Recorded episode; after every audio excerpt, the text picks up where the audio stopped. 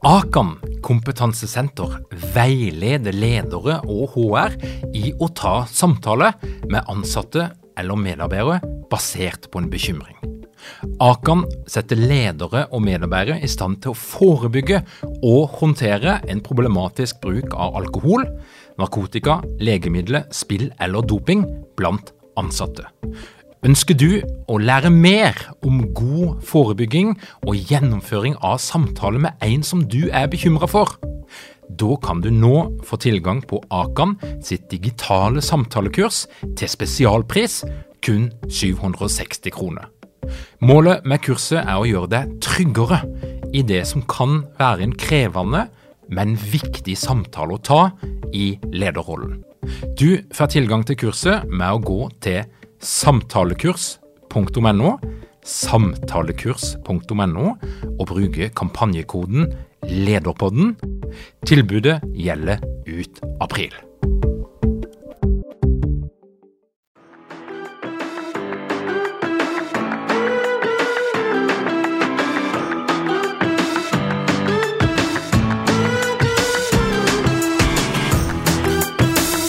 Velkommen til Lederpodden.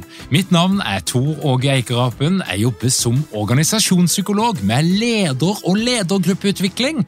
Og dette her er en podkast om ledelse. Vi hører ofte at det er vanskelig å få ny jobb etter du er fylt 55 år. Toget har gått. Men er det sant?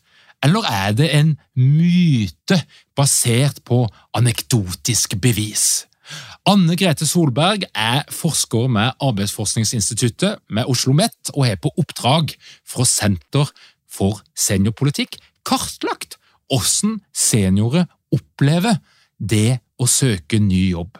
Er det så vanskelig som mange vil ha det til, eller handler det mest om at du som eldre jobbsøker må endre innstilling og tenke mer positivt om deg sjøl.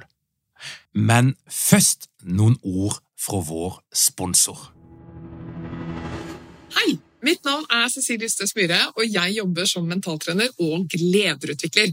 Og til høsten skal jeg ha en egen modul på lederprogrammet som omhandler selvledelse. På selvledelsesmodulen vil du lære deg mentale verktøy verktøy og teknikker som er forskningsbaserte, og som jeg har god erfaring med fungerer i praksis. Disse verktøyene skal jo sette deg i posisjon til å få ut potensialet ditt som leder, og da er vi allerede i gang med å også sette deg i posisjon til å få ut andres potensial. Så dette henger sammen. Så er du nysgjerrig eller interessert, så håper jeg å se deg til høsten. Eh, og mer informasjon det finner du på lederprogrammet.no. Håper vi ses! Velkommen til Lederpodden, Anne Grete. Tusen hjertelig takk. Det er en ære å være her. du, Anne Grete, som forsker og akademiker, hva er det som driver deg? Hva er din faglige lidenskap? Altså, Min faglige lidenskap er jo karriereutvikling, karrierebevegende, karrierefremmende prosesser, karrieremanøvrering. Det er jeg veldig eh, opptatt av. Og jeg tenker at Én ting er jo det du kan gjøre selv, men det man snakker mye om også, er jo at det foregår diskriminering, og det er strukturelle forskjeller.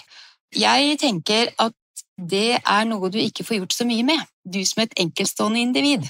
Så derfor så har jeg både forsket på og jobbet mye, jeg jobber jo også som lederutvikler, eh, og jobber mye med de som ønsker å ta enda større lederansvar og ta et step eh, opp. Og det handler jo om å knekke karrierekoder, handler om å forstå at eh, du kan faktisk velge hvordan du reagerer eh, på dine egne tanker. Du kan snakke deg selv til rette med holdningene dine, og jeg er jo veldig betatt av positiv psykologi. Martin Seligman, jeg er jo sosiolog, men sosialpsykologi eh, syns jeg betyr veldig mye i denne sammenhengen her. Og jeg tenker at definisjonen på hvordan du gjør karriere, den er egentlig veldig enkel. Det handler om måten du velger å møte organisasjonens behov, altså den arbeidsplassen som du jobber på helt frivillig. Måten du velger å møte de behovene på, enten åpner mulighetene dine, eller stenger mulighetene for deg. Mm. Så jeg tror veldig på din egen kraft, og at du kan mobilisere din egen vilje og egne ressurser. Mm. Og tror, og har forsket mye på det også. Du, hvorfor trenger Norge og verden mer kunnskap om eh, forholdene til eldre arbeidstakere?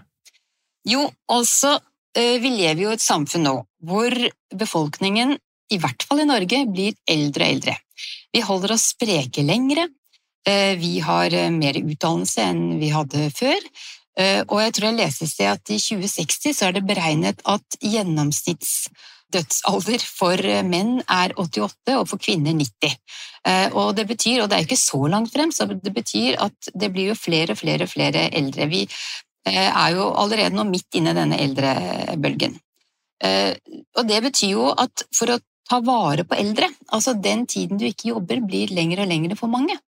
Og det betyr at eh, skal vi opprettholde Velferds-Norge, så er vi nødt for å kunne ha eldre som står i jobb lengre, og faktisk eh, rett fram eh, betaler skatt lengre. Og spesielt hvis vi blir skrøpelige eldre, og vi trenger ekstra mye omsorg, så har jo det også en kostnad for samfunnet, og det er jo det politikerne nå begynner å se. Mm. Det er den ene grunnen, og jeg tenker den andre grunnen til at det er viktig å fokusere på eldre, er jo at det er en svært ressurssterk gruppe. Eh, de har etter hvert veldig høy utdannelse. Eh, de har mye høyere utdannelse enn de som var 60-70 bare for 10 år siden, 20 år siden, 30 år siden. Så det er veldig mye kunnskap og veldig mye kloke hoder blant eh, eldre. eh, Som kanskje er i arbeidslivet nå. Og samtidig så hører vi jo hele tiden om at det er et enormt behov for kunnskap og for kompetanse i arbeidslivet. Det er et skikkelig eh, gap mellom det behovet de har, og hvor mye kompetanse de har å fylle det med. Og her er jo eldre løsningen, tenkte jeg. Eh, Eldre er jo nesten som eh, den nye oljen for arbeidslivet, med sin klokskap og kompetanse. Og vi ser jo også at eldre er jo stabil arbeidskraft. De har lang erfaring bak seg. Eh, De er kanskje ferdig med eh, småbarnslivet, de er ferdig med skilsmissene sine, de er ikke så mye syke. Eh, Og det gjør også at de skifter jo ofte jobb sjeldnere enn f.eks. yngre gjør. Og det å ansette nye og ha rekrutteringsprosesser er jo også veldig kostbart for arbeidsgiverne. Mm. Så det tenker jeg er litt av årsaken.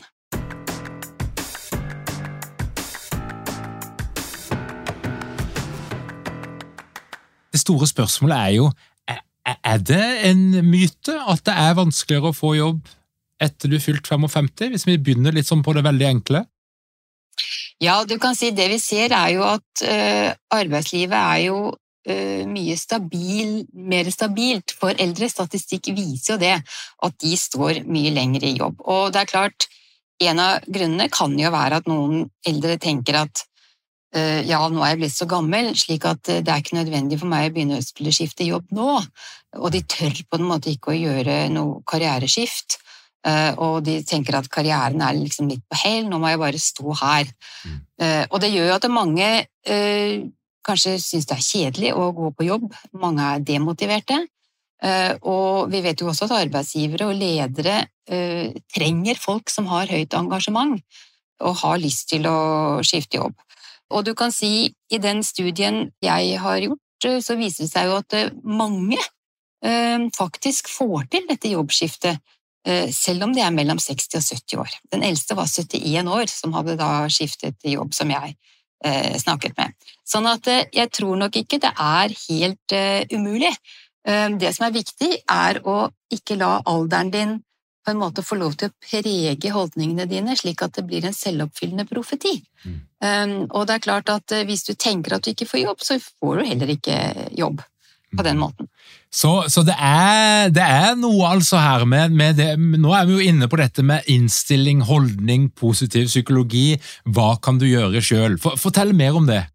Ja, altså det, Du må passe litt på at du ikke gjør deg selv til et offer for din egen alder og tar en sånn martyrholdning i utgangspunktet.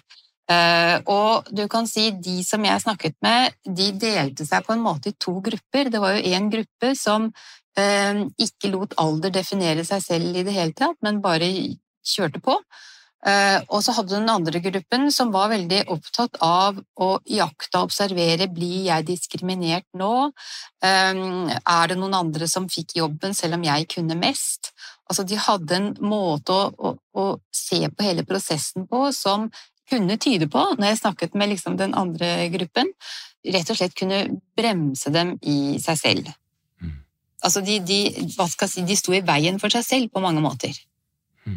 Og det, og det, utvalget som du har, hatt her i, i denne forskninga, hvem er det du snakker med? Altså, jeg snakket med 37 personer. De var mellom 57 og 71 år.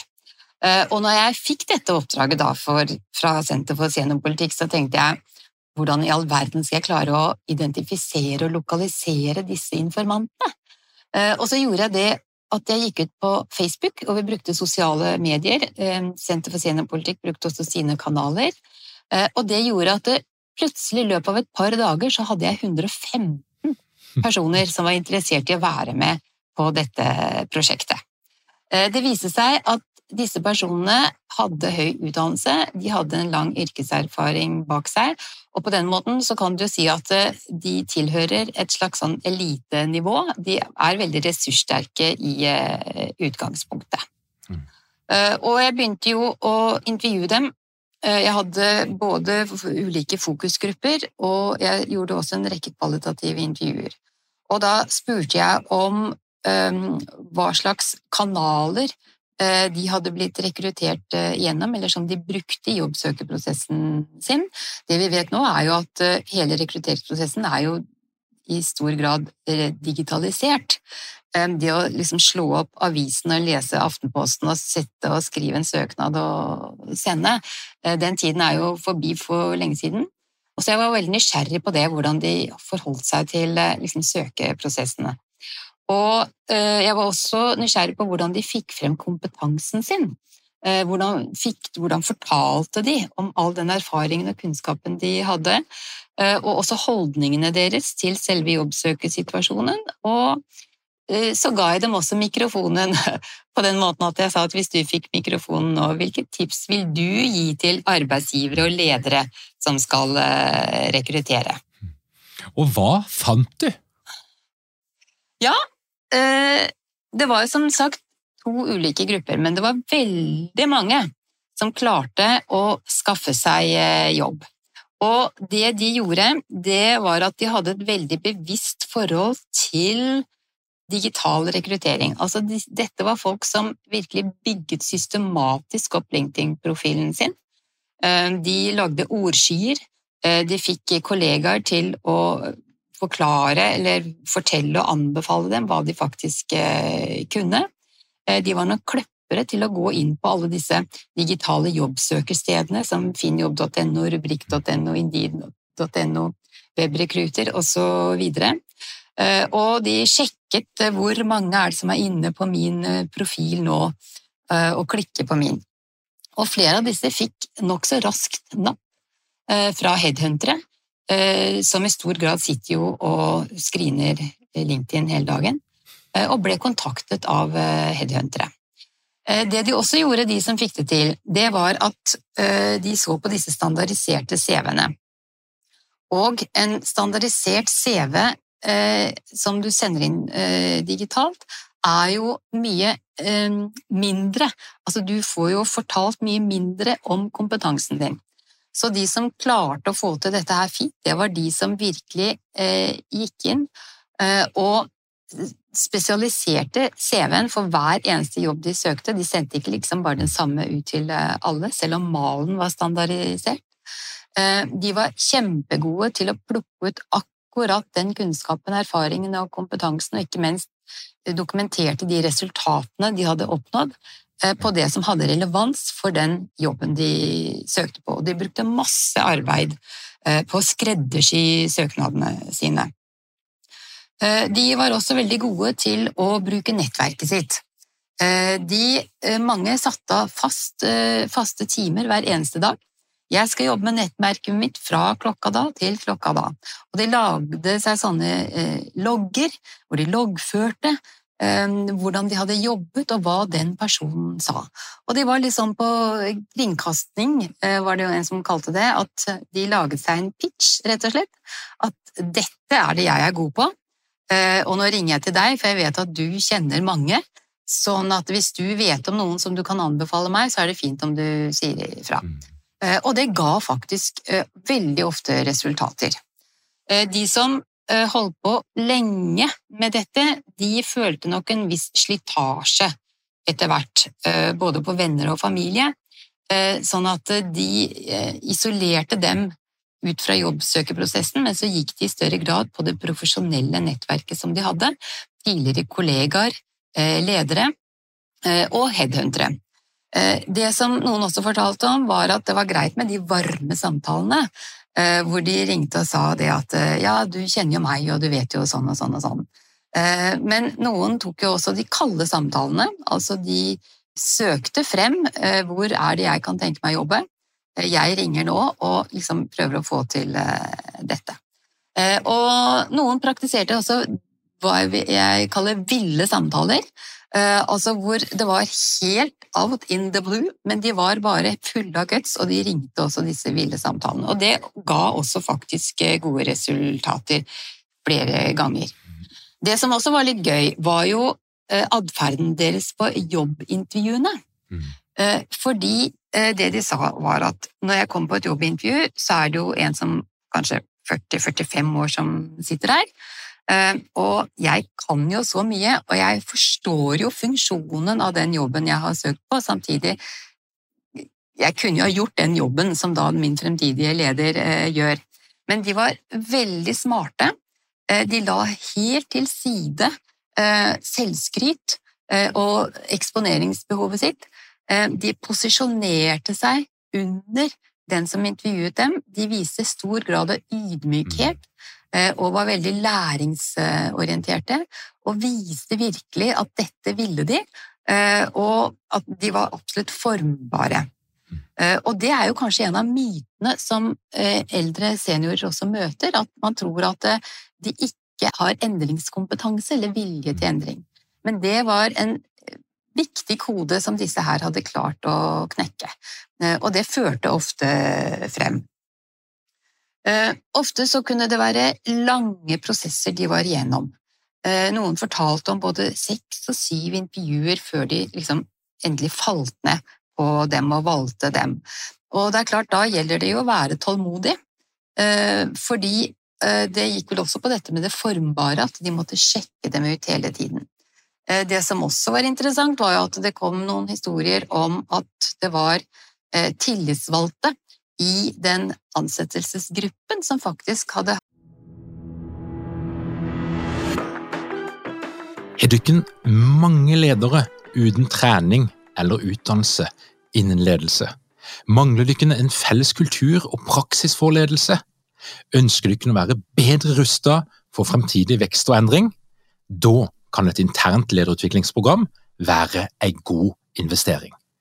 I Execu så er vi eksperter på å designe og gjennomføre bedriftsinterne lederutviklingsprogram. Hvis du ønsker å lære mer om hvordan vi kan hjelpe dykken til å få enda bedre ledere, ta og klikk deg inn på execu.no.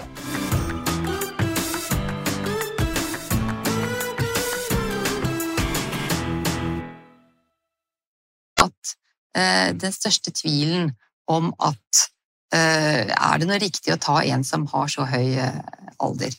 Eh, og det tenker jeg også er et viktig signal å, å tenke litt på. Hvordan man snakker sammen i en sånn rekrutteringsgruppe når man sitter og rekrutterer. Og så er det et ord som, som begynner å bli brukt rundt forbi nå, aldersmangfold. For Vi snakker om mangfold, og, og, og det handler om mange ting. Men, men, hva er det virksomheter kan vinne på å ha et aldersmangfold? Eh, det vi ser, spesielt fra offentlig sektor, er jo at noen ganger så står det at de ønsker å ha varierende erfaring på de konsulentene som skal utføre oppdraget eller utredningen for dem. Mm. Eh, og det er nok mange som har vunnet anbudskonkurranser rett og slett på at de har klart å ha en aldersvariasjon, eller aldersmangfold, som du sier. Eh, rett og slett i tilbudet tilbud og anbudet, så har de fått det på grunn av eh, det. Det annen forskning viser, er jo at eldre, f.eks. en salgsfunksjon, har etter mange år etablert et veldig godt, velfungerende nettverk. Eh, de kjenner alle ute hos kundene, de eh, sørger for mersalg og gjør det lettere, eh, bygget på eksisterende relasjoner, enn å skulle holde på med nysalg hele tiden. Og det er klart, på den måten kan det være en kjempesjanse å la en si på 62 år som har lyst til å gå av, da, forsvinne plutselig ut. For da kan vedkommende ta med seg også et kjempeviktig Eh, nettverk. Eh, andre sier at eh, alder har vært viktig for dem fordi at senioren som har jobbet her lenge, kan noe om bedriftens historikk. Og på den måten har kjempeviktig kunnskap å overføre til de yngre som kommer. Mm. Og mange av de seniorene som jeg snakket med, de hadde jo også fungert i en mentorrolle over lengre tid. Rett og slett for å sosialisere inn Eh, de unge som eh, kommer. Eh, så jeg tror nok at man skal være veldig forsiktig med å kategorisere eldre og yngre. Altså at alle eldre er sånn, alle yngre er sånn. Og det tror jeg er like feil som å si at alle kvinner gjør det, og alle menn gjør det. Og det ser vi jo i det liksom havet av kjønnsidentitet og uttrykk som kommer nå, gudskjelov. Så, sånn at du kan si alders mangfold i seg selv Ehm, jeg er usikker på hvilken verdi det vil ha eksempel å ta innovative beslutninger. Det er ikke sikkert at de eldre har en annen eh, mening eh, som er avhengig av alderen deres. Eh, det vi ser når man tar innovative beslutninger, er jo like mye at du har ulike typer disipliner, befinner deg ulike steder i organisasjonshierarkiet. Eh, har ulik type kultur, språkforståelse, det gir større utslag enn både alder og kjønn. Mm.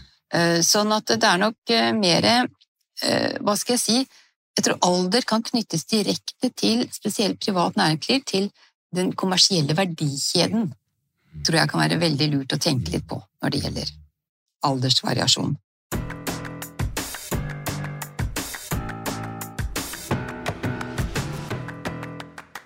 Hvis du skal gi noen råd til, til, folk som sitter nå og er 60 år gamle, de har en jobb som de ikke trives i, og de har egentlig lyst til å ut, men de er usikre på om det finnes noe der, noen der ute som vil ha dem. Hva, hva, er oppsummert, basert på det du har sett, hva, hva er dine beste råd til de som vil ruste seg for å gå ut og bruke kompetansen sin et annet sted? Ja, Det tror jeg er flere ting. Det ene er at du må holde deg oppdatert. Den utdannelsen du har, den er kjempefin, men den tok du for 30-40 år siden, og kanskje mer. Eh, og det er åpenbart at fagområdet eh, har forandret seg etter den tid. Så det å kaste seg inn i kurs og etterutdanning, videreutdanning, tror jeg er kjempeviktig. Det er et hav av tilbud der ute. Eh, Nav har nok en manglende forståelse hvor viktig dette er for eldre.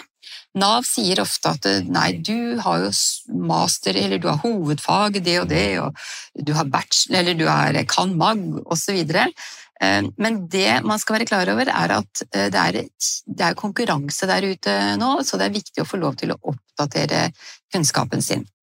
De som vil dette her, må nok også Eh, gjøre som mange av de som eh, fikk jobb i denne studien her, var at de, de holdt seg også i god form. Eh, de tenkte veldig på hvordan de presenterte seg selv. De var fysisk aktive, og de, de liksom de hang med i svingene. Det som jeg tror man ikke behøver å tenke så mye på, som også er viktig, er at du ikke har god nok teknologiforståelse. Fordi jeg spurte jo alle disse her ja, liksom, føler du at du henger med i teknologiutviklingen og sånn, og så sier de hallo, hør her, det er jo jeg som har utviklet denne plattformen som dere jobber på nå, er det noe jeg kan, så er det jo data. Og det var det så mange som svarte. og der tror jeg også at eh, eldre virkelig kan bli fylt med eh, selvtillit. Og spesielt hvis man har hatt en nokså sammenhengende yrkeserfaring, så har man, har man, vært med på hele denne utviklingen. Eh, og det er også viktig å få frem dette overfor arbeidsgiver hvis de blir møtt med den holdningen. Mm. Så ikke, ikke, tenk på det at du henger etter. Det er klart du må utvikle deg. Altså, Teams har kommet for å bli, osv. Ehm, men så lenge du liksom holder med normalt sett, så tror jeg ikke det skal hindre deg i det hele tatt. Mm. Og jeg tenker også at det er viktig at du ikke lar alder eh, få lov til å, å, styre mm. din tro på mulighetene mm. i arbeidslivet der ute. Eh, du kan velge selv. Din alder behøver ikke ha så mye å si. Og så sier du altså at det å være på LinkedIn, ha bevisst, et bevisst forhold til hvordan du presenterer deg sjøl, hvordan du kommuniserer med nettverket ditt, det bør du gjøre hvis du ønsker å ha større valgfrihet på, på hva slags jobb du skal få. Ja, ja det er nettopp det. Uh, altså, du må på en måte beherske det rommet der. Og ja. sånn som noen sa, var at nei, jeg vil ikke være på sosiale medier, for jeg føler at det er så falskt og uekte. Da er jeg liksom en annen person. Ja. Uh, men det er også et bevisst valg, og arbeidsgivere går inn og sjekker hele tiden mm. profilen din. Så det å ta kontroll over uttrykket ditt på sosiale medier, det er mye bedre uh, enn, et, enn, å ikke være der i det hele tatt. Mm. Grete, er det noen sånn eh, feil som en bør unngå? Altså, Du snakka jo i stad om det å, å, kapitulere rent sånn eh, i måten du ser på deg sjøl, altså det å gå inn i en offerrolle og få et litt sånn det som kalles et fixed mindset, der du tenker at nei, sånn er verden, og når du er så gammel, så er det ingenting som går. Det er en tabbe. Er det andre typer feil som arbeidssøkere i denne aldersgruppa ofte gjør? Ja, Uh, altså Jeg vet jo ikke hvor ofte, dette er jo en liten studie som jeg har gjort. Uh, samtidig så er det jo den gruppen som representerte de som ikke så lett fikk jobber.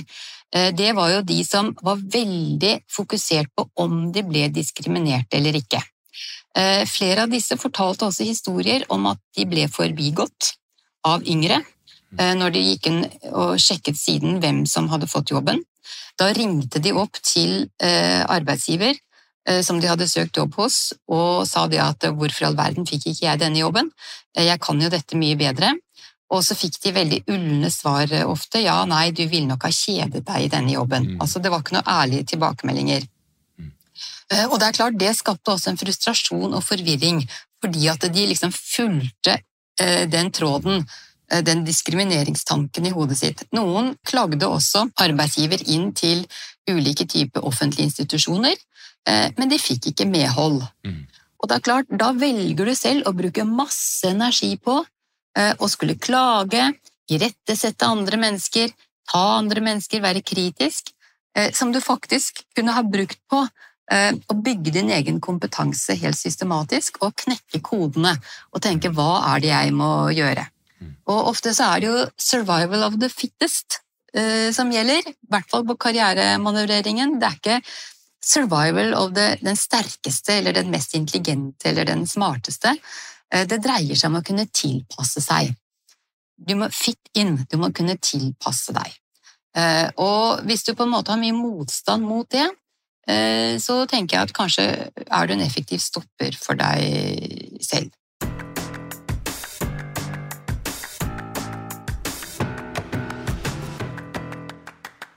Er det noe som du har lyst til å melde ut til arbeidsgivere, til ledere som har lyst til å utnytte potensialet som finnes her i den nye oljen, ja. på en bedre måte? Altså, Hvordan blir du en attraktiv arbeidsgiver for denne aldersgruppa? Da tror jeg en av de viktigste tingene det er rett og slett å lage realistiske jobbannonser. Eh, dagens jobbannonser de ser ut som eh, reklameannonser for et eller annet.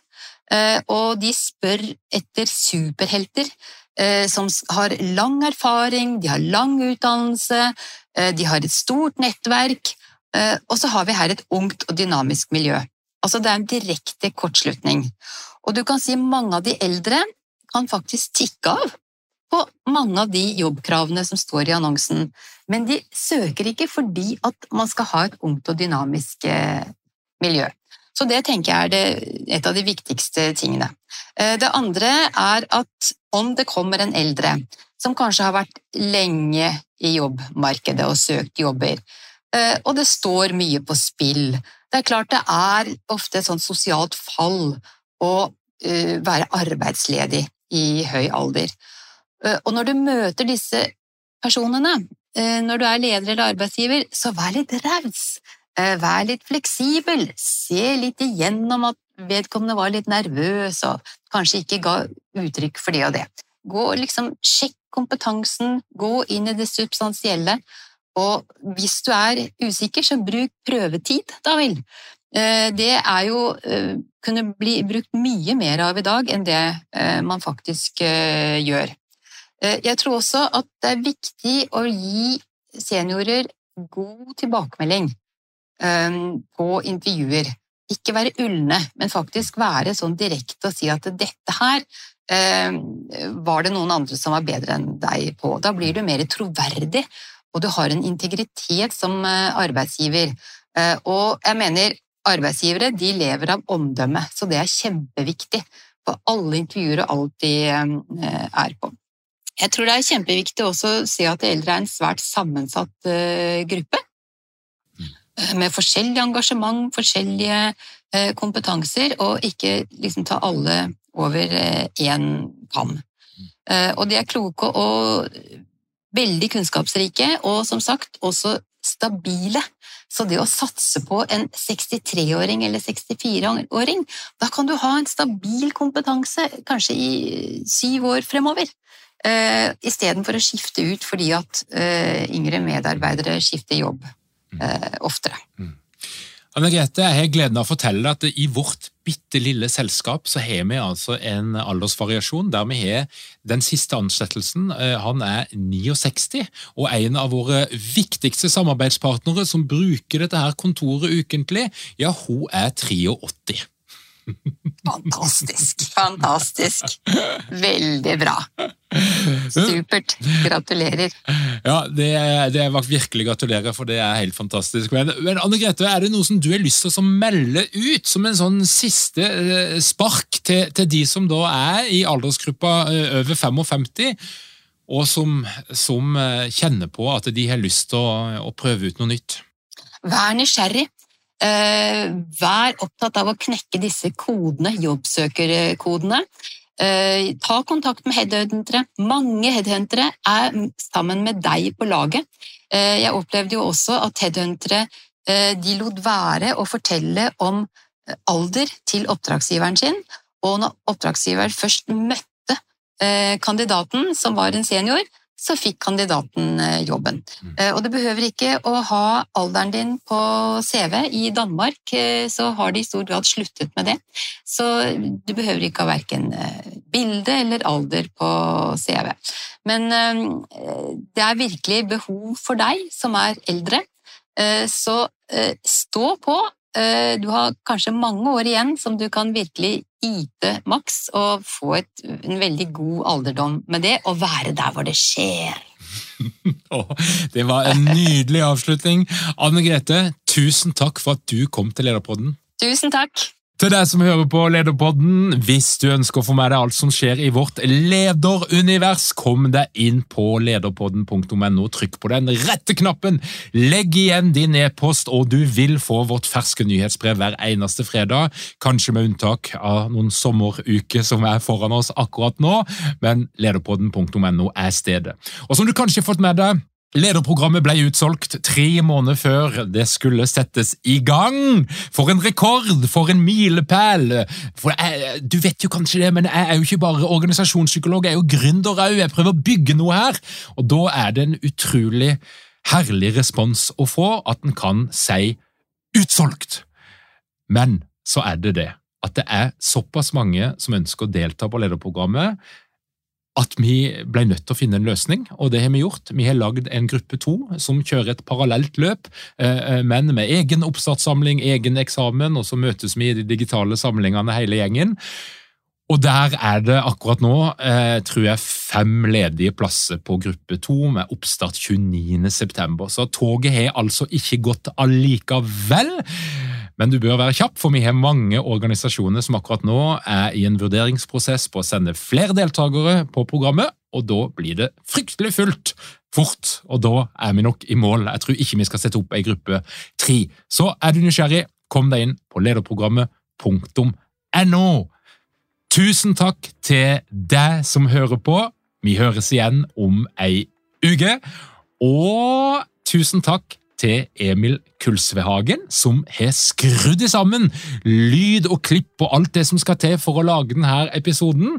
Og takk til Moderne Media, som er de som ordner med annonsering og kommersielle samarbeid. Så er du sugen på noe sånn, så er altså Moderne Media stedet å gå.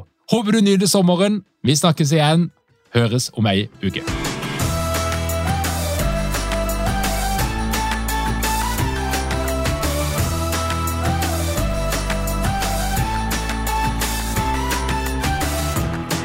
Lederpodden er gitt til deg av Execu.